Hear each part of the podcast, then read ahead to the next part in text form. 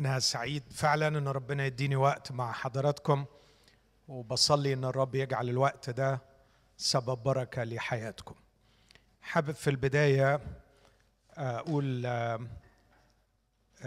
اهتمامي بالمرأة نابع من أشياء كثيرة.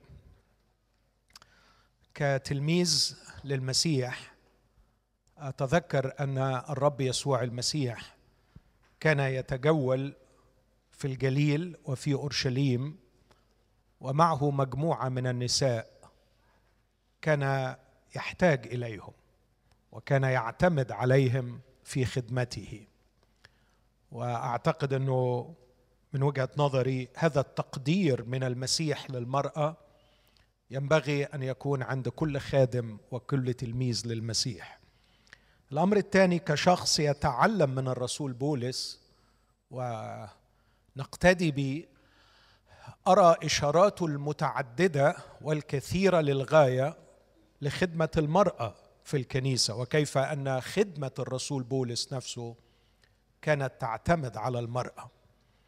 آه، لا أريد أن يعني أستهلك وقتا كثيرا في الإشارات لكن أتذكر مثلا وهو يكتب في فيليبي أربعة مناشدا شريك في الخدمة غالبا كان أبوفرودوتس وبيقول له ساعد أنت يا شريكي المخلص هاتين الأختين أفودية وسنتيخي.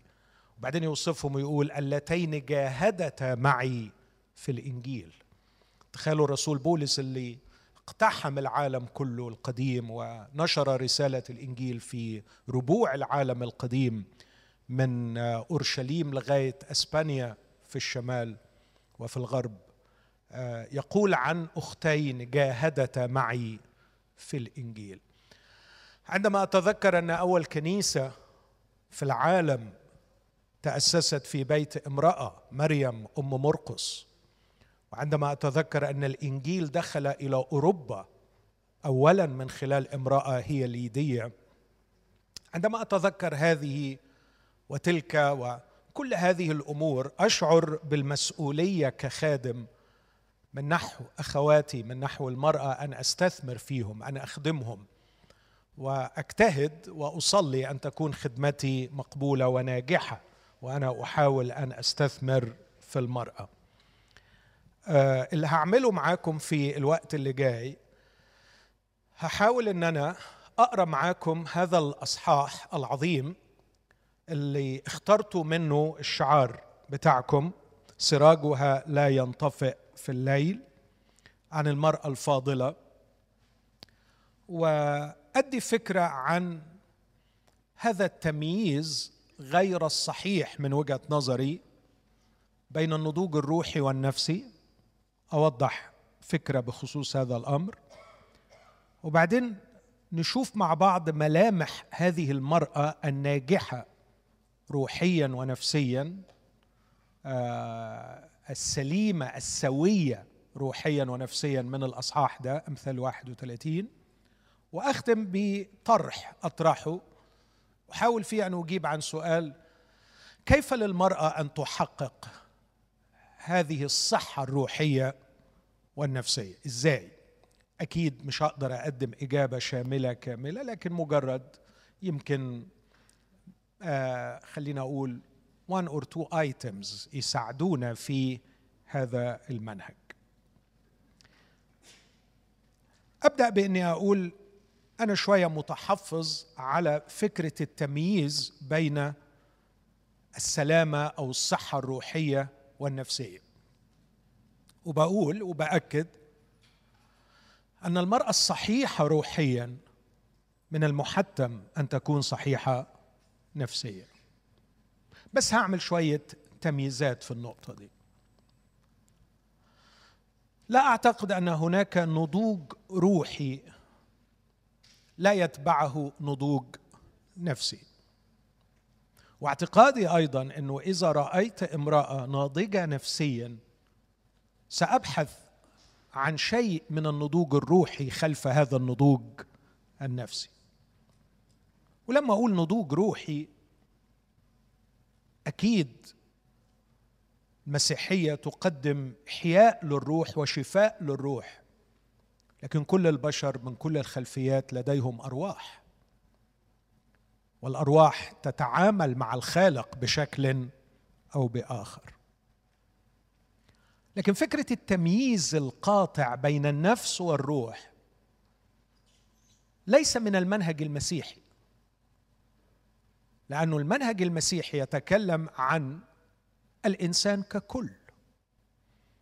ليس فكر الله أن أن نتناول الإنسان مجزأ فنتعامل مع جسده ثم نتعامل مع نفسه ثم نتعامل مع روحه. الكتاب يتكلم عن النفس والروح في العهد الجديد بالتبادل. ففي مرات كثيرة جدا يتكلم عن الروح بآيات محددة ونفس المفهوم ده يتقال عن النفس في آيات كتير قوي. مثلا لما المطوبة العذراء مريم تقول تعظم نفس الرب وتبتهج روحي بالله مخلص. ما تقصدش انه إنه فيها حاجتين لكن تقصد أن الكيان الغير مادي الكيان الداخلي الانر بينج الإنسان الداخل الروحي أو الكيان غير المادي المتحد بالجسد أكيد. هذا الكيان مرات يشار إليه بالروح ومرات يشار إليه بالنفس. ممكن تبقوا تحضروا محاضرة لي على ال... هتلاقوها بعنوان تركيبة الإنسان في أحد المؤتمرات. خطورة هذا الفصل إنه بيخلينا أحيانا نتصور أن الأمور الروحية والنضوج الروحي والسلامه الروحية هي قضية مهمة للكنيسة وللخدمة لكن ما هياش مهمة للعيلة والشغل والبزنس والبيت وتربية الأولاد. في حين الحقيقة إنه نحن نحتاج للروحانية والسلامة الروحية والصحة الروحية من أجل عائلاتنا ومن أجل أشغالنا ومن أجل حتى صحتنا الجسدية. فالفصل بين ما هو روحي وما هو نفسي لي تحفظ كبير عليه ولاهوتيا هو غير صحيح. ومن فصلوا هكذا لم يكونوا لاهوتيين متخصصين. الكتاب المقدس ينظر دائما للإنسان كوحدة واحدة. صحيح في جزء غير مادي وجزء مادي لكن لا يجوز الفصل بين المادي وغير المادي وأيضا لا يجوز في داخل الغير مادي إن إحنا نفصله كمان ونقول إن في نضوج نفسي وفي نضوج روحي. الكتاب المقدس يتكلم عن الإنسان الجديد. الإنسان الجديد المخلوق بحسب الله في البر وقداسة الحق. الإنسان الجديد ده هو الإنسان الداخل الكيان الروحي للإنسان. هو ده اللي عايزين سلامته وصحته الروحية والنفسية مع بعض. لكن كمان أعمل تمييز ثاني يمكن يشفع إلى حد ما آه لاخوتي اللي اضطروا إنهم يعملوا هذا الفصل بين الروحي والنفسي. أقول إنه في بعض الاضطرابات النفسية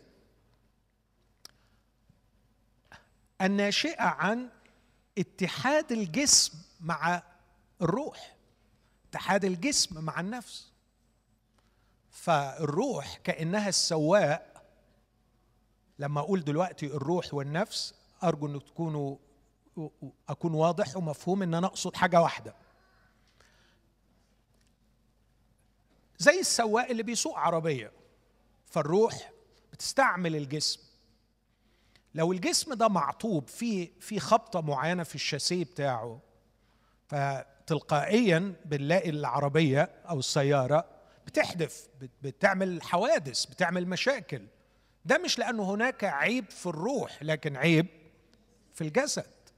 فهناك بعض الاضطرابات النفسية نتيجة خلل كيميائي في المخ خلل كيميائي في الهرمونات مثلا. تجيب كآبة تجيب قلق تجيب توتر. هذه الاضطرابات النفسية ليس لها علاقة بالأمور الروحية اطلاقا لكن لها علاقة بالجسد ويحتاج الجسد إلى علاج وعشان كده الأدوية بتنفع وبتفيد في هذا الأمر. أخيرا هقول تمييز الأطباء النفسيين وعلماء النفس بيعملوه وأنا أعتقد إنه صحيح بنميز ما بين ال personality وال character الاثنين بيترجموا في اللغة العربية الشخصية. لكن نحب نميز بين الشخصية باعتبارها ال outer shell الغلاف الخارجي لسمات الإنسان كما يراها الناس. الناس شايفة الشخصية دي شكلها إيه؟ شايفاها آه، انطوائي انبساطي مستعجل سريع هادي بيركز أكتر. عاطفي بيعبر مفكر محلل كل ده بنحطه في ال personality لكن ال character هو الإنسان الداخل من حيث معتقداته الأخلاقية والفكرية والقيم التي يتبناها. ما هو المهم؟ ما هو الحقيقي؟ ده اللي بيشكل الكاركتر في الداخل. أكيد التركيز الروحي وحتى العلاج النفسي بيركز على الكاركتر. لأنه إيه وسيلتي أنا كطبيب نفسي للبني آدم اللي قدامي غير عقله؟ أحاول أن أتفاعل مع هذا العقل لتغيير المعتقدات لتغيير القيم أفهمه إيه المهم وإيه اللي مش مهم إيه الصح وإيه الغلط. وبتغيير المعتقدات بتغيير المعتقدات الخاطئة بطرد الأكاذيب زي ما هعمل معاكم النهارده في, النهاية في نهاية المحاضرة دي. بطرد الأكاذيب بمعرفة الحق المسيح يقول تعرفون الحق والحق يحرركم. فبتتغير ال character بيتغير الإنسان الداخل. واعتقادي إنه تغيير الإنسان الداخل يستطيع أن يضبط ال personality يضبط الشخصية من الخارج. حتى لو الشخصية من الخارج بالطبيعة بالوراثة البيرسوناليتي إحنا وارثينها مولودين بيها. أو خلينا أقول تكونت في ظل ثقافة مجتمعية معينة. عندها أساس وراثي ثم تطورت في بيئة معينة فطلعت بملامح معينة.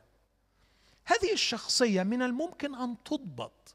فلا تظهر عيوبها ويتم التحكم في عيوبها. فلا تظهر مساوئ أو side uh, effects للشخصية. يعني يبقى فيه نتائج سلبية عندما تتطور ال character الشخصية الروحية اللي في الداخل. بقول ده علشان ربما ألتمس عذر لمن فصلوا. yes هناك تمييز بين personality وال character لكن في النهاية العلاج يتجه إلى الكاركتر يتجه إلى التعامل مع الذهن البشري. تغيروا عن شكلكم بتجديد أذهانكم. وتجديد الذهن يغير الإنسان الداخل يغير الإنر بينج وهذا الإنسان المتغير المتجدد يضبط الشخصية حتى لو كانت فيها عيوب. أكتفي بكده وبعدين أقرأ معاكم الجزء اللي فيه أمثال 31 ونحاول نشوف كيف يرسم الروح القدس بورتري صورة للمرأة السوية روحيا ونفسيا. وأتمنى إن الروح القدس زي ما رسم البورتري ده على صفحات الكتاب مستخدما قلم سليمان الشاعر والحكيم والفيلسوف أتمنى كمان إنه يرسمه في أذهاننا. فتفضل صورة المرأة دي يعني دايما ماثلة أمامك. هو ده النموذج اللي بتتطلعي إليه. هو ده المثال الجميل اللي نفسك تكوني زيه. أمين؟ إذا كنا نؤمن أن هذه كلمة الله فعلينا أن نحترمها فعلا وأن نقبلها باعتبارها كلمة الله. لو ممكن نقف مع بعض وإحنا بنسمع ما سجله قلم؟ هذا الكاتب مسوقا من الروح القدس. أبدأ القراءة من عدد عشرة في أمثال واحد وثلاثين. امرأة فاضلة من يجدها؟ لأن ثمنها يفوق اللآلئ. بها يثق قلب زوجها فلا يحتاج إلى غنيمة. تصنع له خيرا لا شرا كل أيام حياتها. تطلب صوفا وكتانا وتشتغل بيدين راضيتين. هي كسفن التاجر تجلب طعامها من بعيد وتقوم إذ الليل بعد وتعطي اكلا لأهل بيتها وفريضة لفتياتها. تتأمل حقلا فتأخذه. وبثمر يديها تغرس كرما. تنطق حقويها بالقوة وتشدد ذراعيها. تشعر أن تجارتها جيدة. سراجها لا ينطفئ في الليل. تمد يديها إلى المغزل وتمسك كفاها بالفلكه تبسط كفيها للفقير وتمد يديها إلى المسكين. لا تخشى على بيتها من الثلج لأن كل أهل بيتها لابسون حللا. تعمل لنفسها موشيات لبسها بوص وأرجوان. زوجها معروف في الأبواب حين يجلس بين مشايخ الأرض. تصنع قمصانا وتبيعها وتعرض مناطق على الكنعاني العز والبهاء لباسها. وتضحك على الزمن الآتي. تفتح فمها بالحكمة. وفي لسانها سنة المعروف. تراقب طرق أهل بيتها. ولا تأكل خبز الكسل. يقوم أولادها ويطوبونها. زوجها أيضا فيمدحها. بيقولوا بنات كثيرات عملن فضلا. أما أنت ففقت عليهن جميعا. الحسن غش والجمال باطل. أما المرأة المتقية الرب فهي تمدح. أعطوها من ثمر يديها ولتمدحها أعمالها في الأبواب. آمين. هذه هي كلمة الرب. تفضل.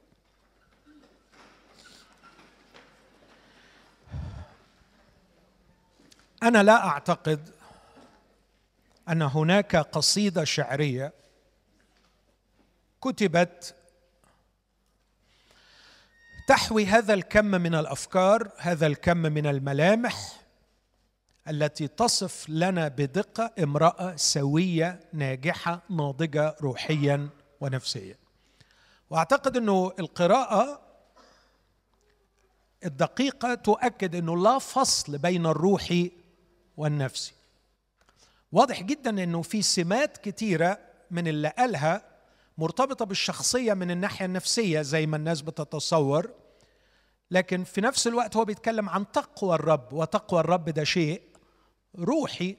فالروح القدس هنا لا يميز ولا يفصل بين هذه وتلك لكن يعطينا وصفا دقيقا جميلا لشخصية ناجحة روحية ونفسية بل وأقول وأيضا جسدية. فبيوصف لنا لبسها بيوصف لنا أناقتها بيوصف لنا البزنس بتاعها. فما فيش ما فيش هذا الفصل. هي هو إنسان على بعضه يوصف من كل النواحي. وفي النهاية يكشف لنا عن السر كيف استطاعت أن تنجح وتتفوق هكذا.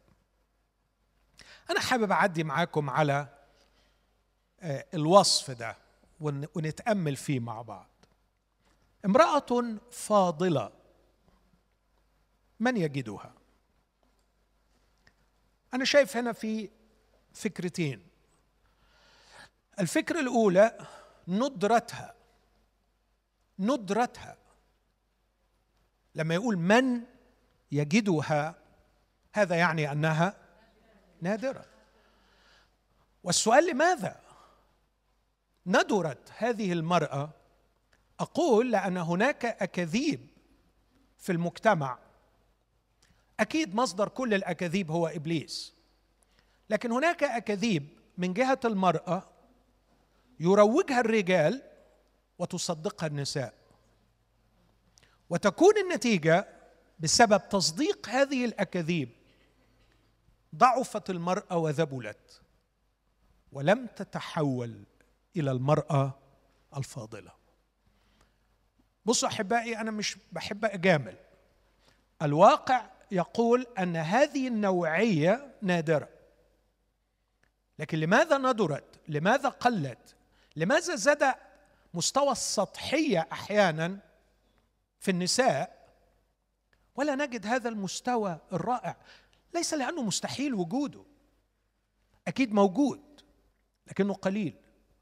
ومن رأيي قليل لأن المرأة تم خداعها وصدقت أكاذيب كثيرة.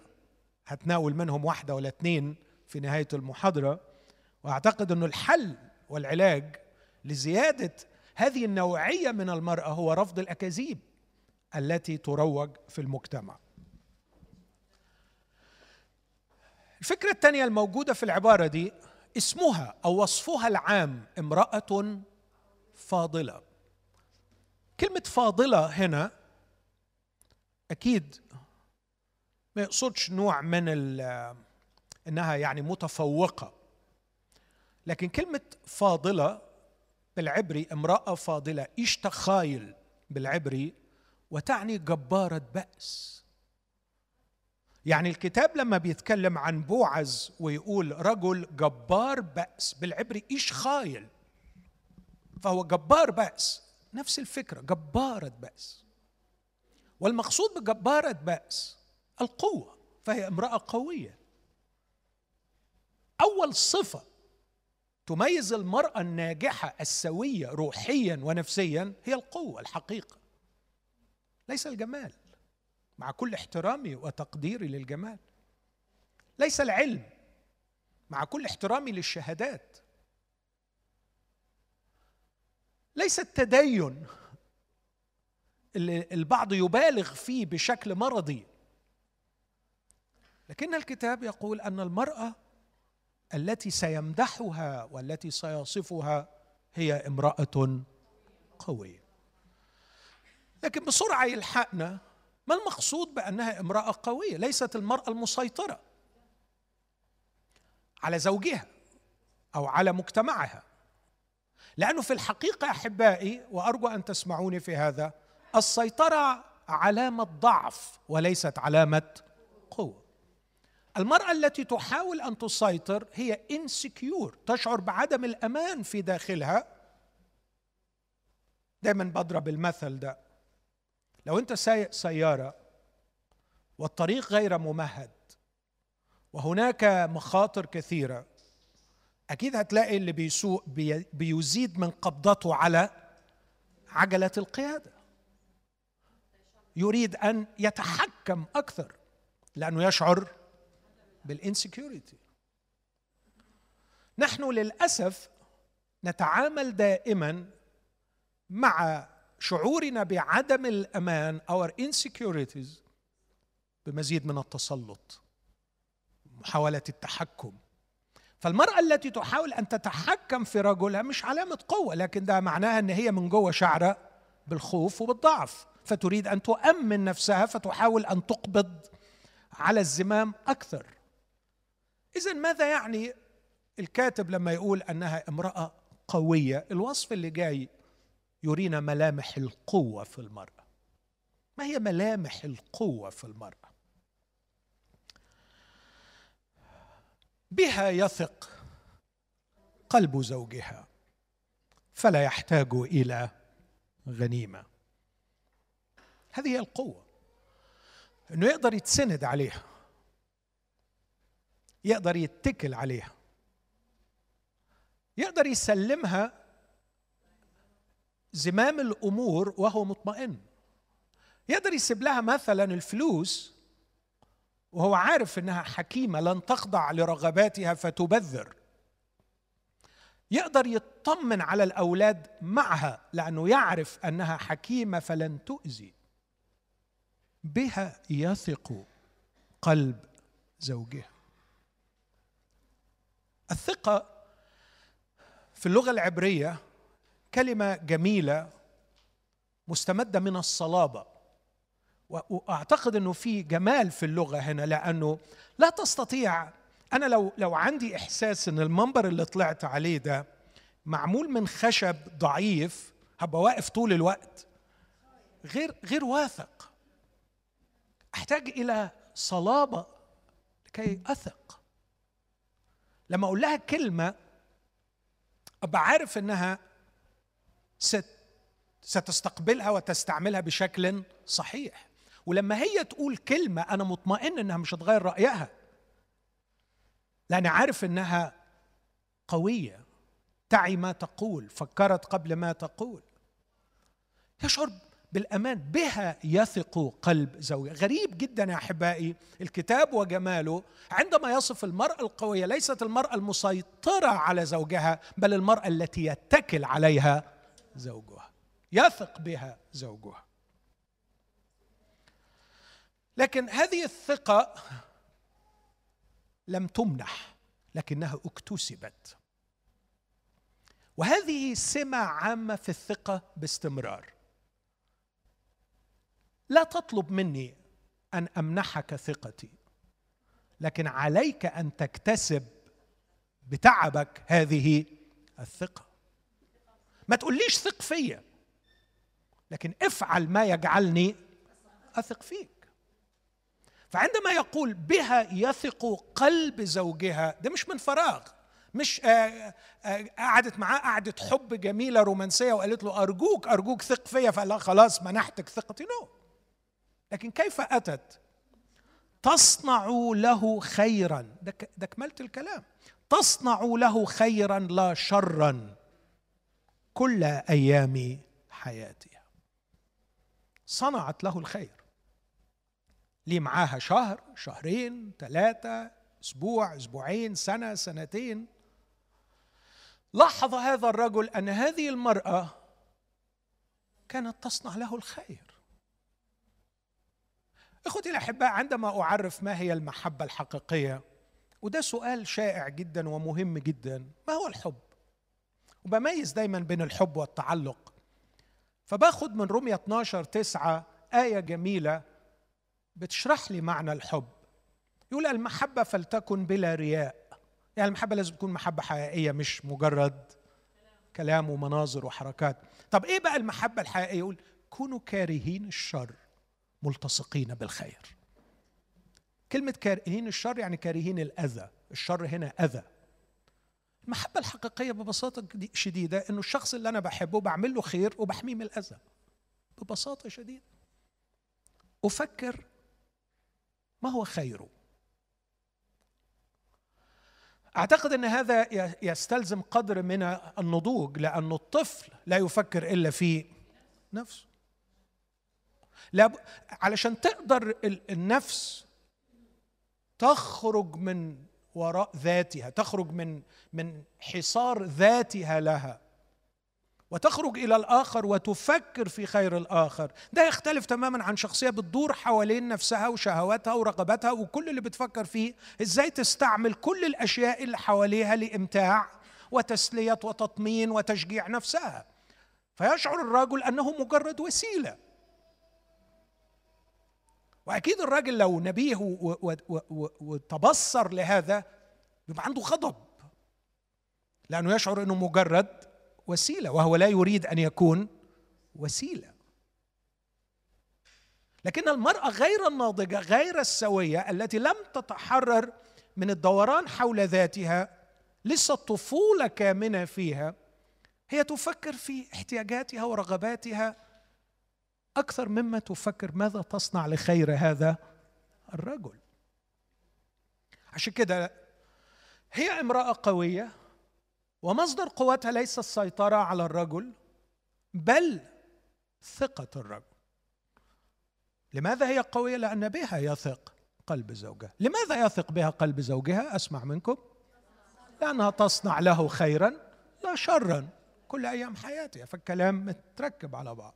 طيب وصف لنا ملامح هذه المرأة القوية التي بها يثق قلب زوجها التي تصنع له خيرا لا شرا كل أيام حياته. اوصفها لنا من فضلك أكثر. فيبدأ يقول بعض ال...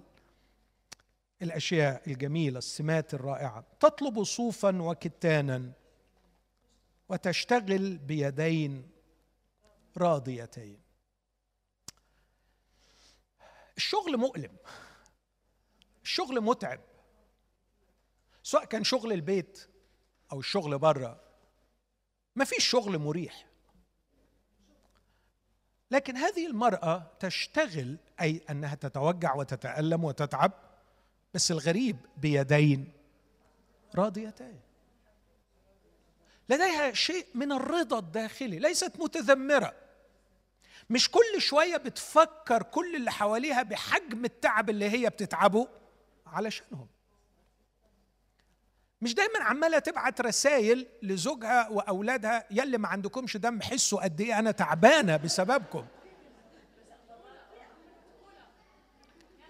تشتغل بيدين راضيتين.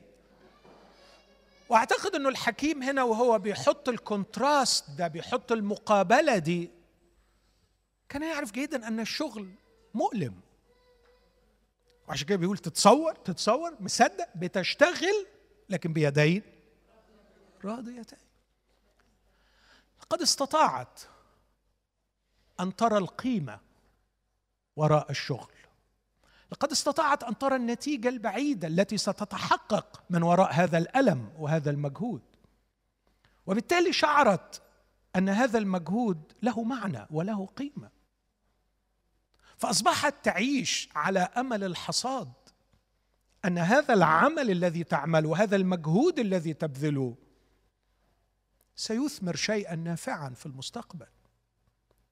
فأصبحت ترى النتائج فتشبع وترضى. وكان هذا الرضا يهون عليها ألم الشغل والتعب. هذه ملامح القوة هذه ملامح العظمة هذه ملامح الصحة الروحية والنفسية. ثم يصف لنا شيئا من هذا التعب فيقول تقوم إذ الليل بعد. شكرا. المهم قوي إن إحنا نتابع عشان نشوف إزاي النص متركب على بعض. تقوم إذ الليل بعد. يعني بتقوم بدري قوي ده تعب.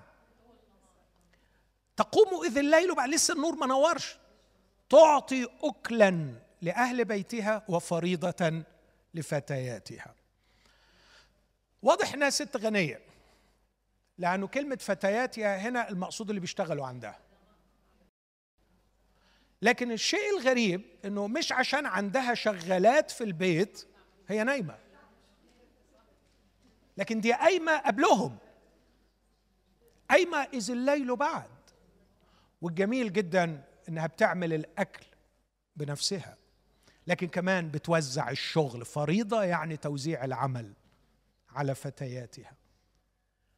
حاجة جميلة منظر رائع. منظر بصراحة يفرح. لو في زوج بيشوف مراته بتعمل كده يا بها يثق قلب. إيه الجمال ده؟ قايمه الصبح بدري قايمه بتعمل الأكل بنفسها لكي تطمئن على نوعيته على آه كميته عايزة تطمن بنفسها لكن كمان بتوزع بتعرف الشغل المطلوب في البيت وتوزعه على فتياتها. لكن مش بس كده. جميلة هذه المرأة. ليست اسمعوني ليست منكبة في الداخل ومأخوذة في حكاوي الداخل ومشاغل الداخل للدرجة التي تنفصل بها عن الحال في الخارج. عارفة حال الاقتصاد شكله إيه في البلد؟ وعارفة إيه الدخل اللي بيجي لها هي وزوجها؟ وعارفة ممتلكاتهم وإمكانياتهم؟ عارفة كل حاجة كويس قوي. وتشعر أن عليها مسؤولية كشريكة كشريكة مئة في المئة شريكة في صناعة مستقبل العائلة. فتتأمل حقلا بص الجمال تتأمل حقلا فتأخذه وبثمر يديها تغرس كرما. يعني أتخيل المنظر هنا إنها راحت لزوجها وقالت له ده مجرد تخيل قصصي من عندي وأنا راجعة من عند بنت خالتي شفت الحقل الفلاني وحسيت إنه ممكن يكون مستقبله جيد. سألت عليه لقيته معروض للبيع. عرفت ثمنه وأنا عارفة إن إمكانياتك اليومين دول قليلة لكن عندي خبر حلو ليك. أنا كنت بعمل مناطق وأعرضها على الكنعاني فأنا عندي مبلغ موفراه. تعال نشتري الحقل ده تتأمل حقلا فتأخذ أو تحط عينها على حقل وتقول لزوجها الحقل ده من وجهة نظري سعره هيزيد وده هيبقى بركة لأولادنا. وأنا شايفة إنه الاستثمار في هذا صحيح. يقول لها فكرك كده طب مش يمكن غيره؟ تدرس الموضوع تتأمل تتأمل. تتأمل يعني تطيل التفكير تطيل التفكير في المستقبل المادي للعائلة. وبثمر يديها بالتعب اللي تعبته هنشوفه دلوقتي تغرس كرما بتقدر تزرع. أكيد بتأجر فعلة لكن في النهاية هي اللي أدارت هذا المشروع.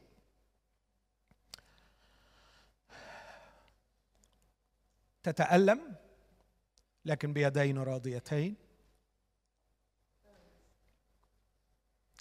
غنية ولديها عمال يشتغلون لكن لا تعرف معنى الكسل أو التراخي. منهمكة في الداخل لكنها لم تنفصل عن الخارج. شريكة لرجلها. عبء كبير. عبء كبير عليها. ولما بتستهلك وتستنفذ بتعمل حاجة غريبة جدا لما تشعر بالإعياء. يقول تنطق حقويها بالقوة وتشدد ذراعيها تشعر أن تجارتها جيدة سراجها لا ينطفئ في الليل. العبارة دي من أروع العبارات. لما بندرس موضوع الذكاء الاجتماعي وده موضوع في غاية الأهمية اللي بيسبب نجاح الإنسان في العمل بتاعه بيقولوا إن الذكاء الاجتماعي بيستلزم خمس أشياء. منهم حاجة مهمة جدا إن الشخص يكون self motivated يعني هو بيعرف يحفز نفسه.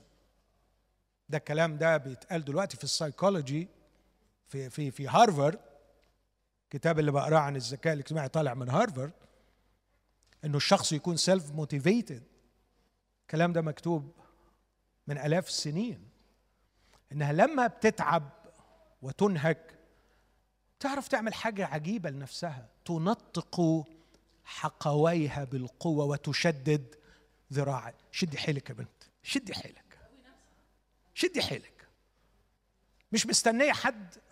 طبعا أكيد المفروض هو يكون حساس شوية وعنده دم ويطبطب ويشجع ويمدح. بس أنا مش في اجتماع رجالة دلوقتي فملوش لازمة الكلام. لأنه لو اتكلمت عن اللي المفروض يعملوه كلكم هتروحوا بمرارة. فما فيش داعي أعمل مشاكل. فأنا مش هنا علشان أخليكم تروحوا غضبانين على آه لكن أكيد المفروض هو لازم يقوم بدوره أفسس خمسة أن يقوتها ويدفئها. كتاب يقول كده. بصوا الكلمتين. لا يهمل أحد قط جسده بل يقوته ويدفئه كما الرب للكنيسة. هكذا ينبغي على الرجال أن يتعامل مع امرأته على أنها لؤلؤة نفيسة على أنها امرأة فاضله هو شايف إنه الخير جاي من وراها فالمفروض انه هو يعتني ويهتم ويمدها بالحافزية لكي تستمر. لكن إذا إذا حدث أنها لم تجد هذا التحفيز من الخارج عندها قدرة غريبة المرأة الناجحة روحيا ونفسيا إن هي اللي تحفز نفسها. بص جمال الكلمة تنطق حقويها بالقوة وتشدد ذراعي. بس كمان يروح كشف لنا هي إزاي بتعرف تعمل الحكاية دي؟ إزاي بتعرف تعمل كده؟ بص الكلمة اللي بعديها تشعر. وتشعر في اللغة العبرية يمكن أن تفهم أنها awareness يعني بتذكر نفسها نوع من ال awareness تشعر أن تجارتها جيدة. أنا أنا بستثمر صح. أنا أنطق حقوي بالقوة وأشدد ذراعي وأحفز نفسي وأقول هواصل وهواصل وهواصل وهواصل لأن ال business ده يستاهل التعب. إيه ال business العيلة دي يعني. فأنا مش بشتغل على الفاضي. الاستثمار جيد. ولهذا يستحق المجهود. ويصف هذه الحالة بتشبيه بلاغي جميل أنه سراج لم ينطفئ بالليل. ما هو السراج الذي ينطفئ بالليل؟ المرأة التي فقدت الحافزيه ممكن لا, لا سوري متأسف جدا.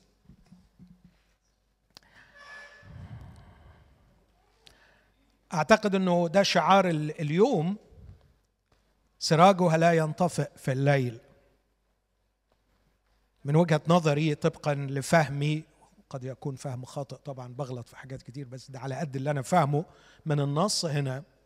لما جت بعد تشعر أن تجارتها جيدة تنطق حقويها بالقوة تشدد ذراعيها المرأة التي لم تخور لم تخر لم تنهار كسراج قد انطفأ في الليل. إن الليل يحتاج بشدة إلى السراج. ووظيفة السراج هي أن يضيء في الليل. فكم هو مؤلم أن السراج ينطفئ في الليل. إن الأسرة قائمة ومعتمدة على قوة هذه المرأة. وهي دائما بعملها واجتهادها وتحفيزها لنفسها كسراج مضيء في الليل. فيا للألم والخيبة والفشل إذا انطفأ السراج. المرأة التي تنهار وتخور ولا تستطيع أن تستمر في إنجاز ما هي تنجزه إيه أنواع الشغل اللي بتعملها وإيه أنواع النشاط اللي بتقوم به لغاية دلوقتي هو كان بيوصف أشياء نقدر نقول مجردة abstract يعني ملامح لكن هننزل لأرض الواقع ننزل لل concrete ننزل للأشياء العملية. تمد يديها إلى المغزل وتمسك كفاها بالفلكه دي كانت وسائل توفير سبل الحياة في ذلك العصر إنه الهدوم بتيجي من الغزل. آه، فتمسك يديها بالمغزل وتمسك كفاها بالفلكه تشتغل بتعمل آه، نسيج في البيت. لكن الشيء الجميل أنها أيضا تبسط كفيها للفقير وتمد يديها إلى المسكين. لديها أحشاء رحمة من جهة الفقراء. لا تخشى على بيتها من الثلج لأن كل أهل بيتها لابسون حللا. تعمل لنفسها موشيات. لبسها بوص وأرجوان. زوجها معروف في الأبواب حين يجلس بين مشايخ الأرض. تصنع قمصانا وتبيعها وتعرض مناطق على الكنعانية. كنعاني يعني التاجر هنا. كلمة كنعاني تاجر المقصود هنا على التاجر. منطقة زي نوع من جزء أساسي من الثياب كان يلبسه الرجل. العز والبهاء لباسها. وتضحك على الزمن الآتي. الجزء ده كله قصدت أقراه مع بعضه لأنه مرتبط قوي بالغزل والنسج. فلما ناخده على بعضه إن هي قايمة مجتهدة بتطلب صوف وكتان بتشتري صوف وكتان آه وتجيب الصوف والكتان وتبدأ تغزل وتنسج. قدرت تعمل أشياء مختلفة أربع أشياء على الأقل. الشيء الأول وده اللي يجي في أول حاجة كاسة العريان. وده شيء بديع. لو تجيب لنا سي وائل من فضلك عدد عشرين عدد 19 و20 19 تمد يديها إلى المغزل وتمسك كفها بالفلكة وهنشوف بقى لبسها ولبس جوزها وتجارتها كله جاي من الغزل والنسج اللي بتعمله. لكن أول حاجة أول حاجة تبسط كفيها للفقير وتمد يديها إلى المسكين. سواء بأنها تكسيه أو تبيع المنتجات بتاعتها وتديله فلوس علشان ياكل. امرأة قوية جميلة أحشاء رحمة ورأفة. لكن نمرة اثنين لا تخشى على بيتها من الثلج لأن كل أهل بيتها لابسون حللا. عرفت تهيأ نفسها للشتاء وتدبر ملابس زوجها وأولادها. نمرة ثلاثة تعمل لنفسها موشيات موشيات الشراشف الفاخرة يعني بيتها أنيق. بيتها أنيق. فهي بتنسج وبتتعب وبتغزل علشان جمال البيت وكمان لبسها هي. فلبسها بوص وأرجوان. فدي نمرة ثلاثة. يعني نمرة واحدة عشان يكون لديها أن تعطي عارفين لما بولس يقول في أفسس أربعة لا يسرق السارق فيما بعد بل بالحري يتعب عاملا الخير بيديه ليكون له ليعطي من له احتياج. الآية دي يعني انطبقت تماما على المرأة دي إنها بتتعب بيديها ليكون لديها تعطي من له احتياج. فتعبت غزلت نسجت فكرت صنعت سهرت تألمت النتائج الأربعة. نمرة واحد لديها ما تعطيه للفقير والمسكين. نمرة اثنين لبست أهل بيتها واطمأنت عليهم. نمرة ثلاثة أنيقة في بيتها وفي مظهرها. أنيقة في الداخل وأنيقة في الخارج. وأنا أنا مرة سميت القداسة أناقة الروح. القداسة هي حالة أناقة داخلية. وأنا أعتقد أنه الأناقة الداخلية لابد أن تكون مصحوبة بأناقة خارجية في البيت وفي المظهر في الخارج. لكن نمرة أربعة زوجها معروف في الأبواب حين يجلس بين مشايخ الأرض. أعتقد أنه كل الناس بتاخد بالها إن الراجل ده محترم. وكتير منهم بيعرفوا إيه السر. إن هي السبب. زوجها معروف في الأبواب حين يجلس بين مشايخ الأرض. يعني واحدة من أكثر الحاجات اللي مراتي بتهتم بيها لبسي بصراحة. واحدة من وظائفها الأساسية في الحياة تقول لي تعالى وريني شنطتك عامل إيه في روحك؟ وتكتشف طبعا كم العك اللي أنا عامله وتقعد توضب لي الدنيا.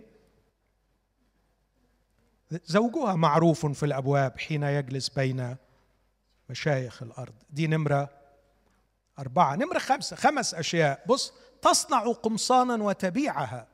وتعرض مناطق على الكلعان يعني الفائض بالتاجر به بالتاجر به هذه هي المرأة القوية وتكون النتيجة العز والبهاء لباسها وتضحك على الزمن الآتي. لكن جانب آخر أعمق. كل الجانب اللي قلته ده دلوقتي مرتبط بشغلها وتعبها ومجهود يديها. لكن بص الجانب اللي جاي بعد كده مرتبط بدواخلها حكمتها وفكرها. فمش هيتكلم عن تعب يديها لكن عن الحكمة. تفتح فمها بالحكمة وفي لسانها سنة المعروف. لما بتتكلم حكيمة في كتب كتيرة بتساعد الناس إزاي يبقوا أفضل في المجتمعات وفي البيزنس وكل الكتب دي اتفقت على انه كل ما كلامك قل كنت ما تبقى أفضل. تبقى أأمن. ف يعني على قد ما تقدر قلل. قلل هتحمي روحك. تفتح فمها بالحكمة. في لسانها سنة المعروف. سنة المعروف يعني بتفكر كويس قوي إن الكلام اللي تقوله لا يؤذي. إن الكلام اللي تقوله يكون في النهاية بينفع. ليه قيمة؟ تراقب طرق أهل بيتها. ولا تأكل خبز الكسل. يعني مش بس هي نشيطة لكن بيهمها جدا إن كل اللي في البيت يكونوا شغالين وكل واحد قايم بشغله. ونتيجة هذين الأمرين الاجتهاد في العمل الخارجي والحكمة الداخلية. تبدأ تحصد بقى. الحاجات اللي هي شافتها وحفزتها لما قال تشعر أن تجارتها جيدة. كانت شايفة إيه؟ شايفة الاتي شايفة إنه هيطلع الولاد فاهمين ومقدرين أمهم عملت إيه. شايفة الأولاد هيكبروا في يوم من الأيام اللي مش فاهمينه دلوقتي هيجي يوم ويفهموه. فيقوم أولادها ويطوبونها. زوجها أيضا فيمدحها. بيقولوا إيه؟ بيكتبوا لها يعني card أو note يوم عيد ميلادها أو في مناسبة معينة. بنات كثيرات عملن فضلا أما انت ففقت عليهن. جميع انت في نظرنا أحسن أم في الدنيا انت في نظرنا أفضل أم انت في نظري أفضل زوجة في الدنيا.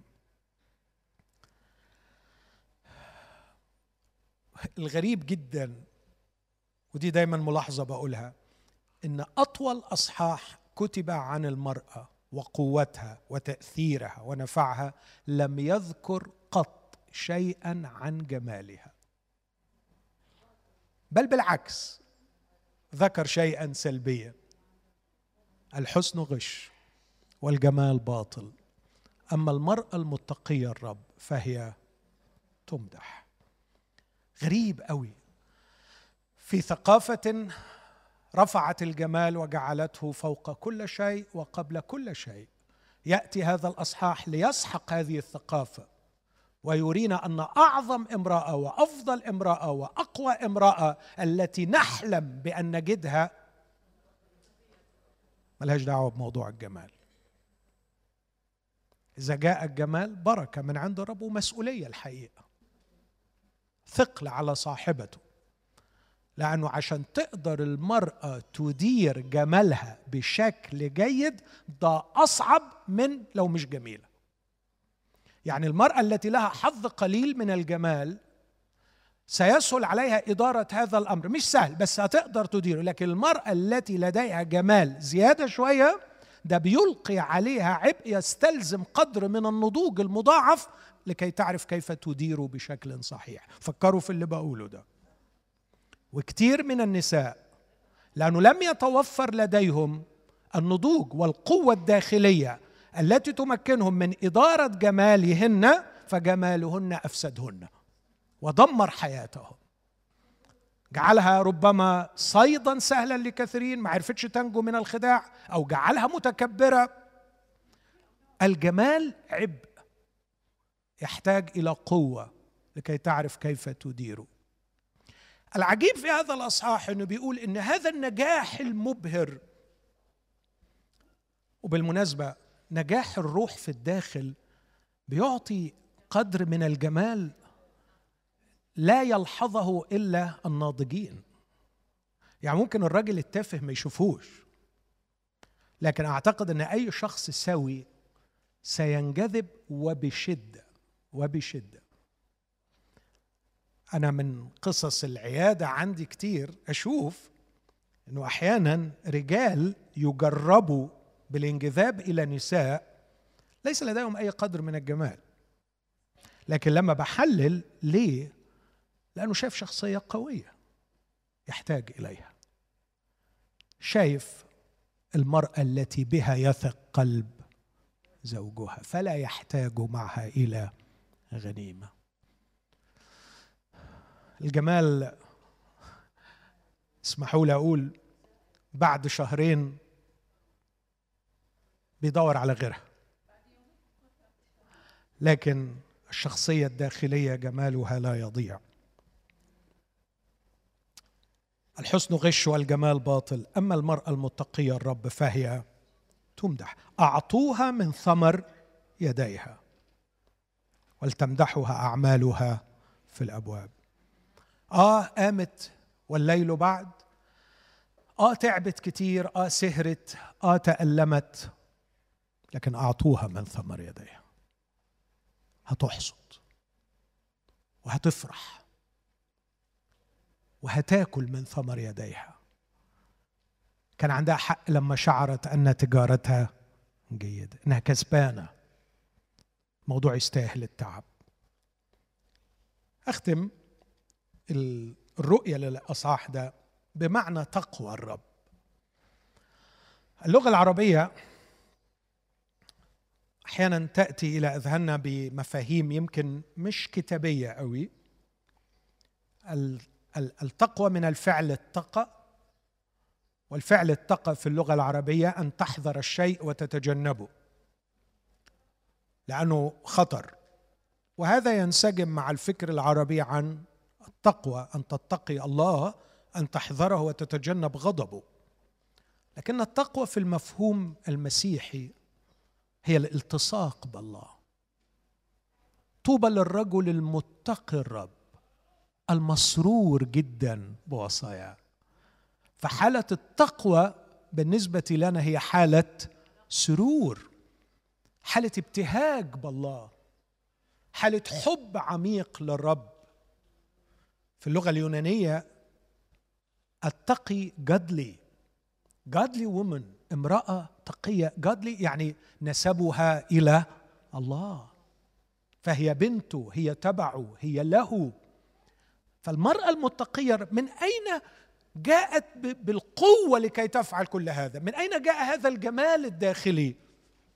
اي سليمان ولك باع طويل في النساء. فأنت الذي تزوجت ألف امرأة قل لنا خبرتك. قل لنا أنت بتفهم في النساء قل لنا منين تجيب المرأة القوة وهذا الجمال؟ المرأة المتقية الرب هي تمدح تمدح يعني يبان جمالها فعلا وكأنه عايز يقول الجمال الداخلي هو الذي ينضح على الخارج. جمال الداخلي يفيض للخارج فعلا. عندما ترى حكمة عندما ترى نشاط عندما ترى وداعة عندما ترى قوة تختفي التجاعيد تختفي آثار الزمن ولا يبقى في عيني الرجل إلا جمال بديع لا يبهت مع الأيام. فعلا سراجها لا ينطفئ في الليل. جمالها لا يضيع. جاذبيتها لا تتأثر بالزمن لأنها تنهل من نبع داخلي. تقوى الرب محبه الرب الالتصاق بالرب. كيف نحقق هذا؟ أختم به قلت فكرة واحدة. عندي محاضرة ممكن تبقوا تشوفوها على اليوتيوب عن المرأة في تعليم المسيح. هقول فكرة صغيرة منها.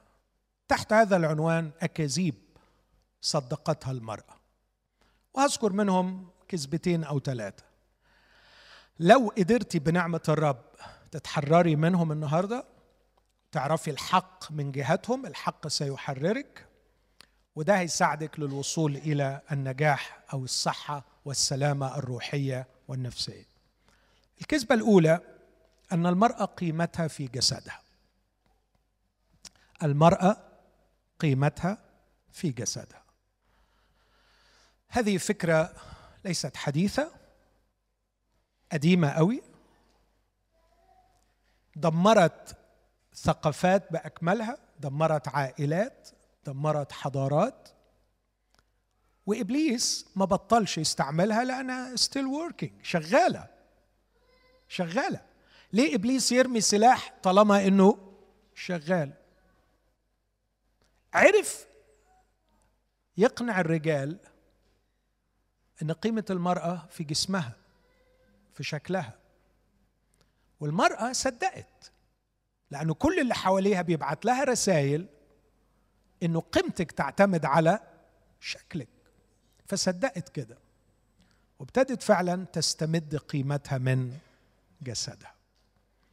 مجتمع الفيسبوك والصور اللي بتعرض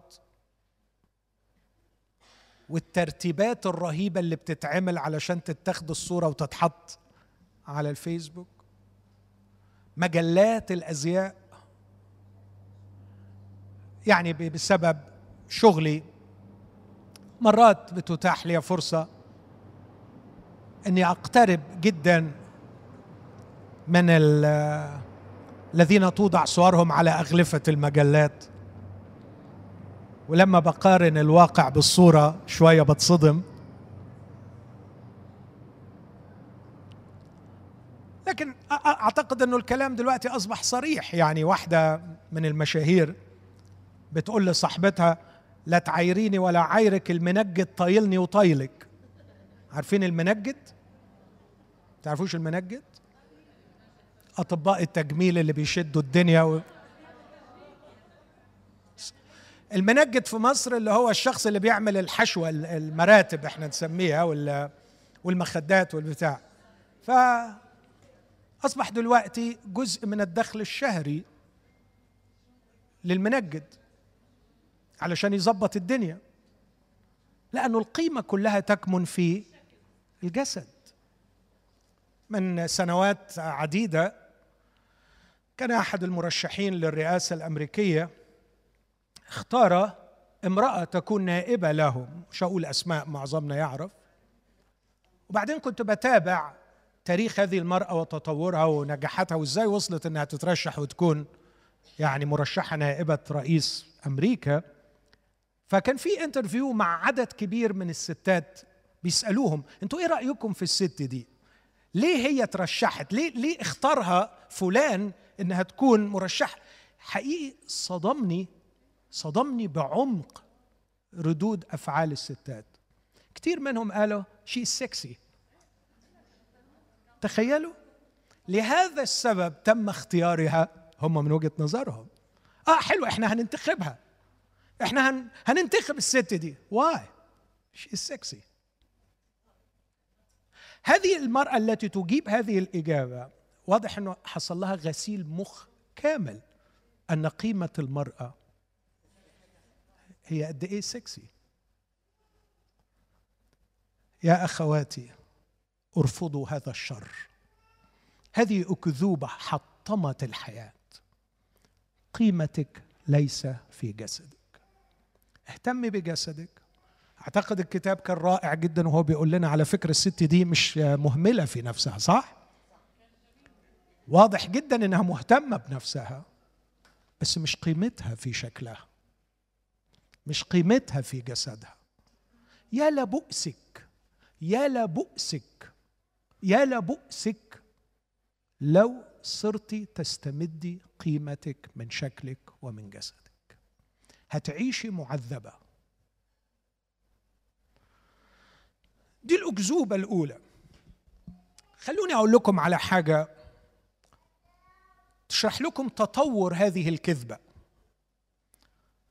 الرجل بصفة عامة في طفولته وفي مراحل المراهقة وخصوصا لما ما يكون لا يخاف الله الشهوات الجنسية عنده قوية للغاية. فيبدأ في خياله في خياله يستعمل المرأة. ويدور فكره حول المرأة في خياله وهو عيل صغير وهو في سن المراهقة.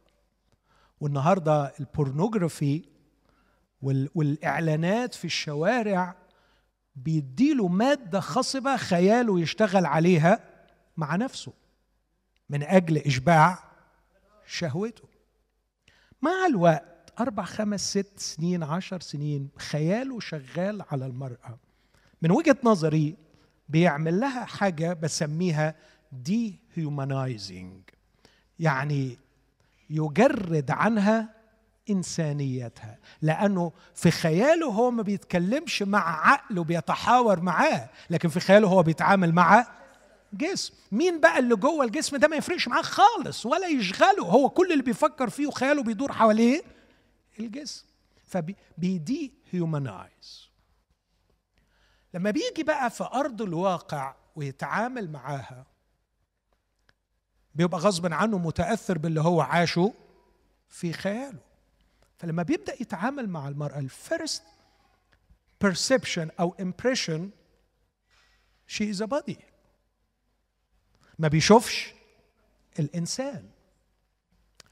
فما بيفكرش هي شخصيتها شكلها إيه ما بيفكرش في مواهبها ما بيفكرش في إبداعها ما بيفكرش في منطقها وقدرتها على التحليل والتفكير ما بيفكرش في ثقافتها ما بيفكرش في كل ده.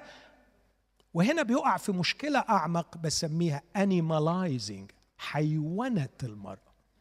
لأنه لم يعد يرى الإنسانية ويريد أن يستعمل هذا الجسد. وعلى فكرة يعني للأسف أقول أنه مش عايز أقول نسبة لأنه ما عملش دراسة لكن 90% 90% في الجوازات بيبدأ بناء على إيه؟ على على الشكل كيف كيف سيستمتع بهذا الجسد؟ دي أحلى من فلانة ودي أحلى من بنت عمي ودي أحلى من اللي خدها صاحبي ودي ده حيوانة للمرأة بعد أن يجردها من الإنسانية في خياله يصل إلى أرض الواقع لينزع عنها الإنسانية ويتعامل معها باعتبارها جسد. وبعدين ممكن طبعا ممكن طبعا يتكلم بقى كلام عن شخصيتها وعن ثقافتها وعن وعن بس الحقيقة كل دي مجرد حكي وطق حنك ورغي فارغ عشان يوصل للجسم.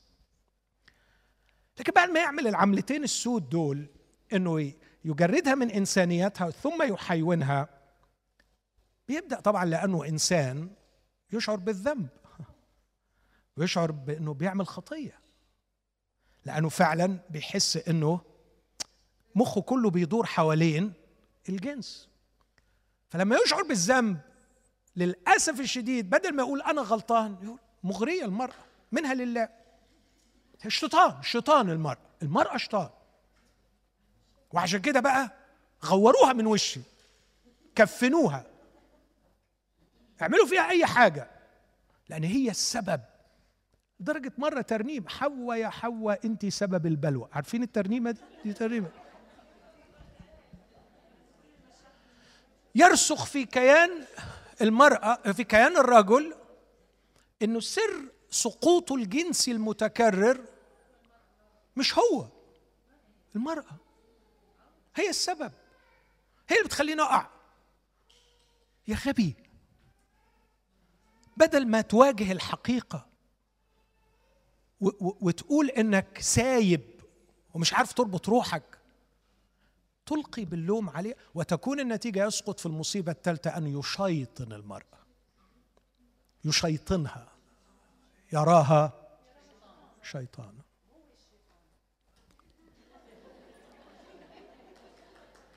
المأساة اسمعوني يا أحبائي.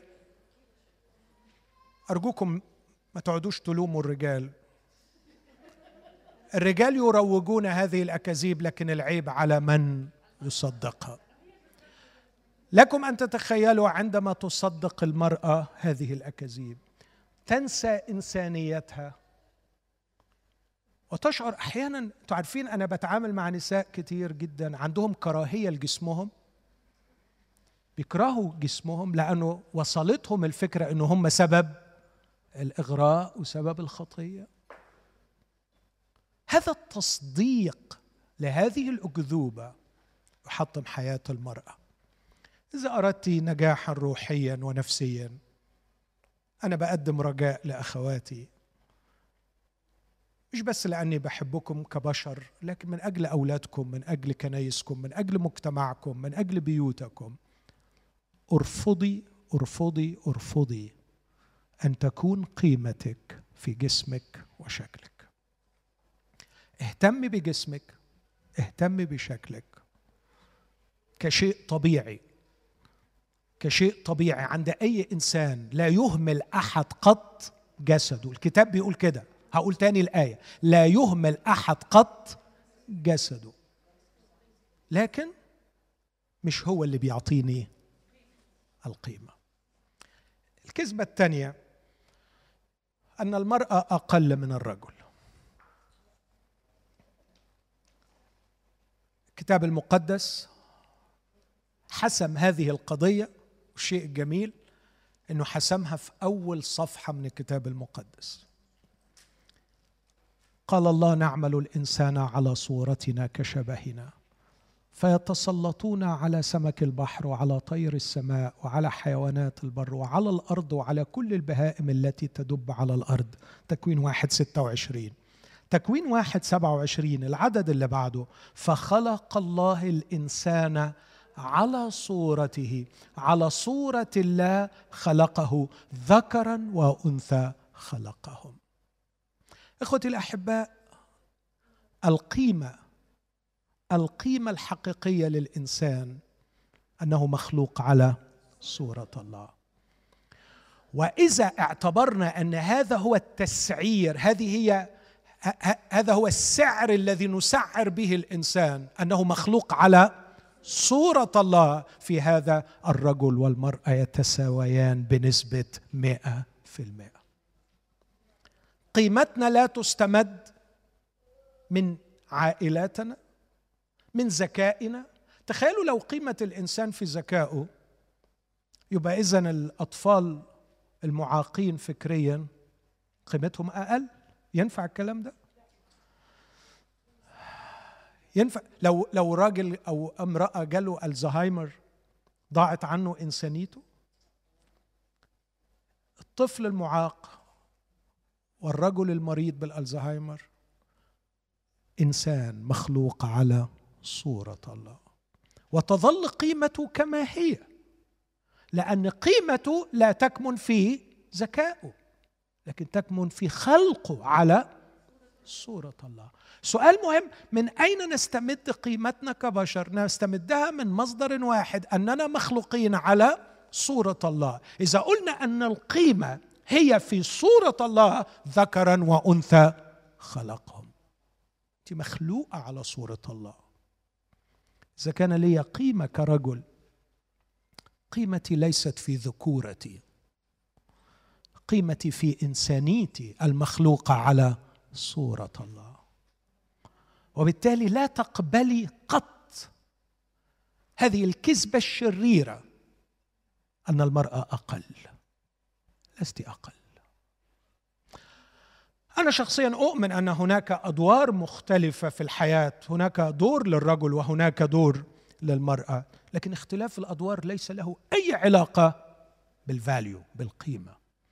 القيمة في الإنسانية. وليس في الدور ولا في الإمكانية. قد يكون لدي إمكانيات مش هي دي اللي بتديني القيمة. قيمتي أني إنسان مخلوق على صورة الله. الكذبة الثالثة أن المرأة شاطرة في العلاقات بس أقل في الذكاء. ده تهريج وفوضى وكلام غير علمي. في أشخاص ستات متفوقين جدا في الذكاء وفي رجالة تعبانين قوي في الذكاء. ففكرة أنها أقل في الذكاء هذه أكذوبة روجها الناس وصدقتها المرأة. إخوتي أنا لا أدعي أن في الكلمات السريعة دي قدمت منهج للنجاح الروحي والنفسي لكن أزعم أني بحط رجليكم على أول الطريق بناء على كلمات المسيح. تعرفون الحق. والحق يحرركم.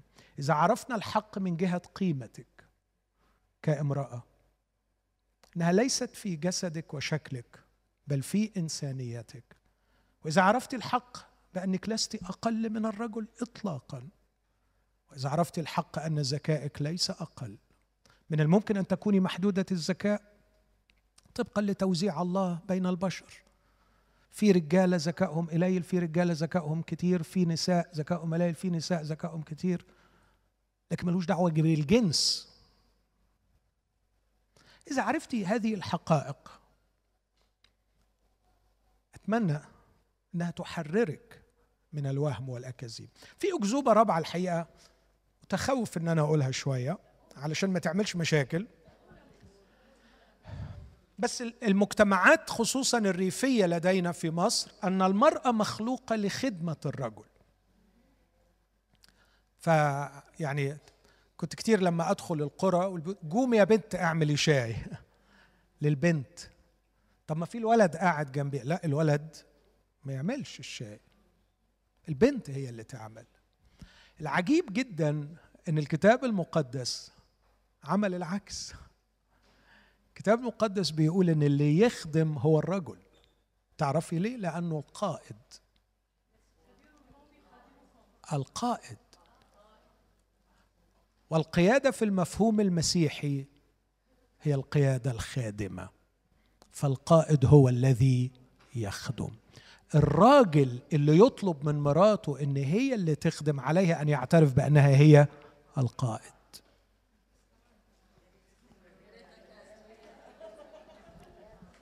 اسمعوني من فضلكم أختم بالآية دي.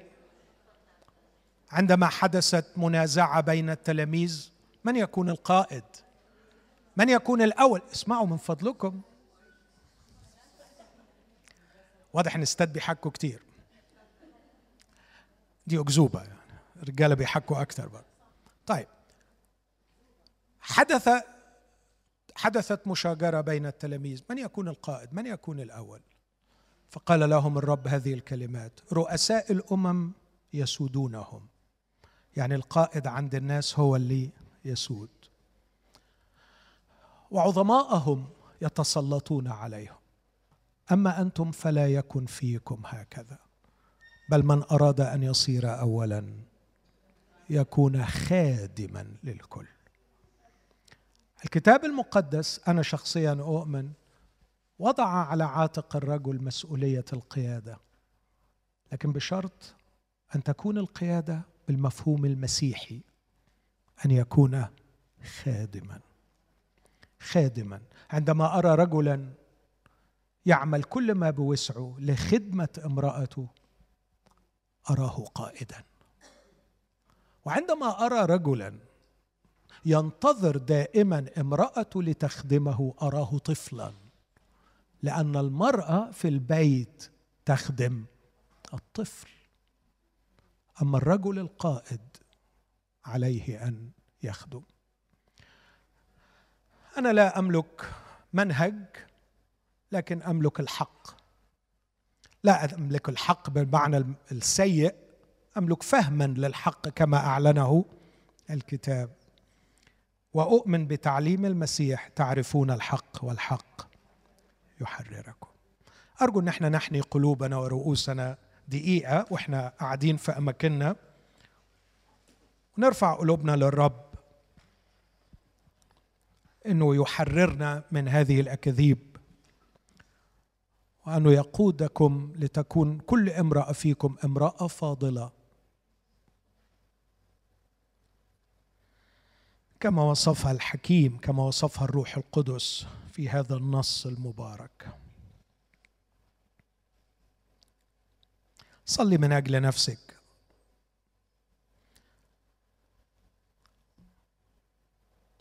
يا رب اغفر لي خطئي فإني صدقت كلام الناس بينما لم أصدق كلامك وتعليمك. أعني لكي أعرف قيمتي. أعني اطلبي من الرب أن تكون المرأة المتقية الرب. قولي له يا رب نفسي أكون قريبة منك مسرورة بوصاياك. نفسي أكون دايما شعرة بقربي منك وقربك مني. أستمد قوتي منك. لكي أتمم رسالتي في هذه الحياة. علمني يا رب أن نبع القوة الحقيقية هو في الالتصاق بك. فأرنم مع كاتب المزمور التصقت نفسي بك يمينك تعضدني. اشكر الرب على عطاياه لك. مختلف أنواع العطايا زوج بيت أولاد صحة جمال فلوس عمل. اشكر الرب عليها. اطلبي من الرب إنه يعطيك استثمارا جيدا لهذه العطايا.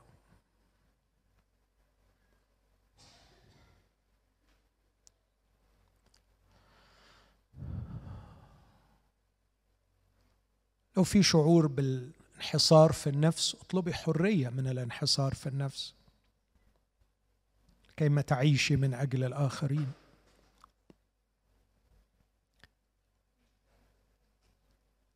أيها الرب الحبيب يسوع أستودعك أخواتي لتشجعهم وتدعمهم وتعطيهم يا رب المعونة استنارة في الذهن لمعرفة الحق والتحرر من الأكاذيب التي تعوق نجاحهم وصحتهم الروحية والنفسية.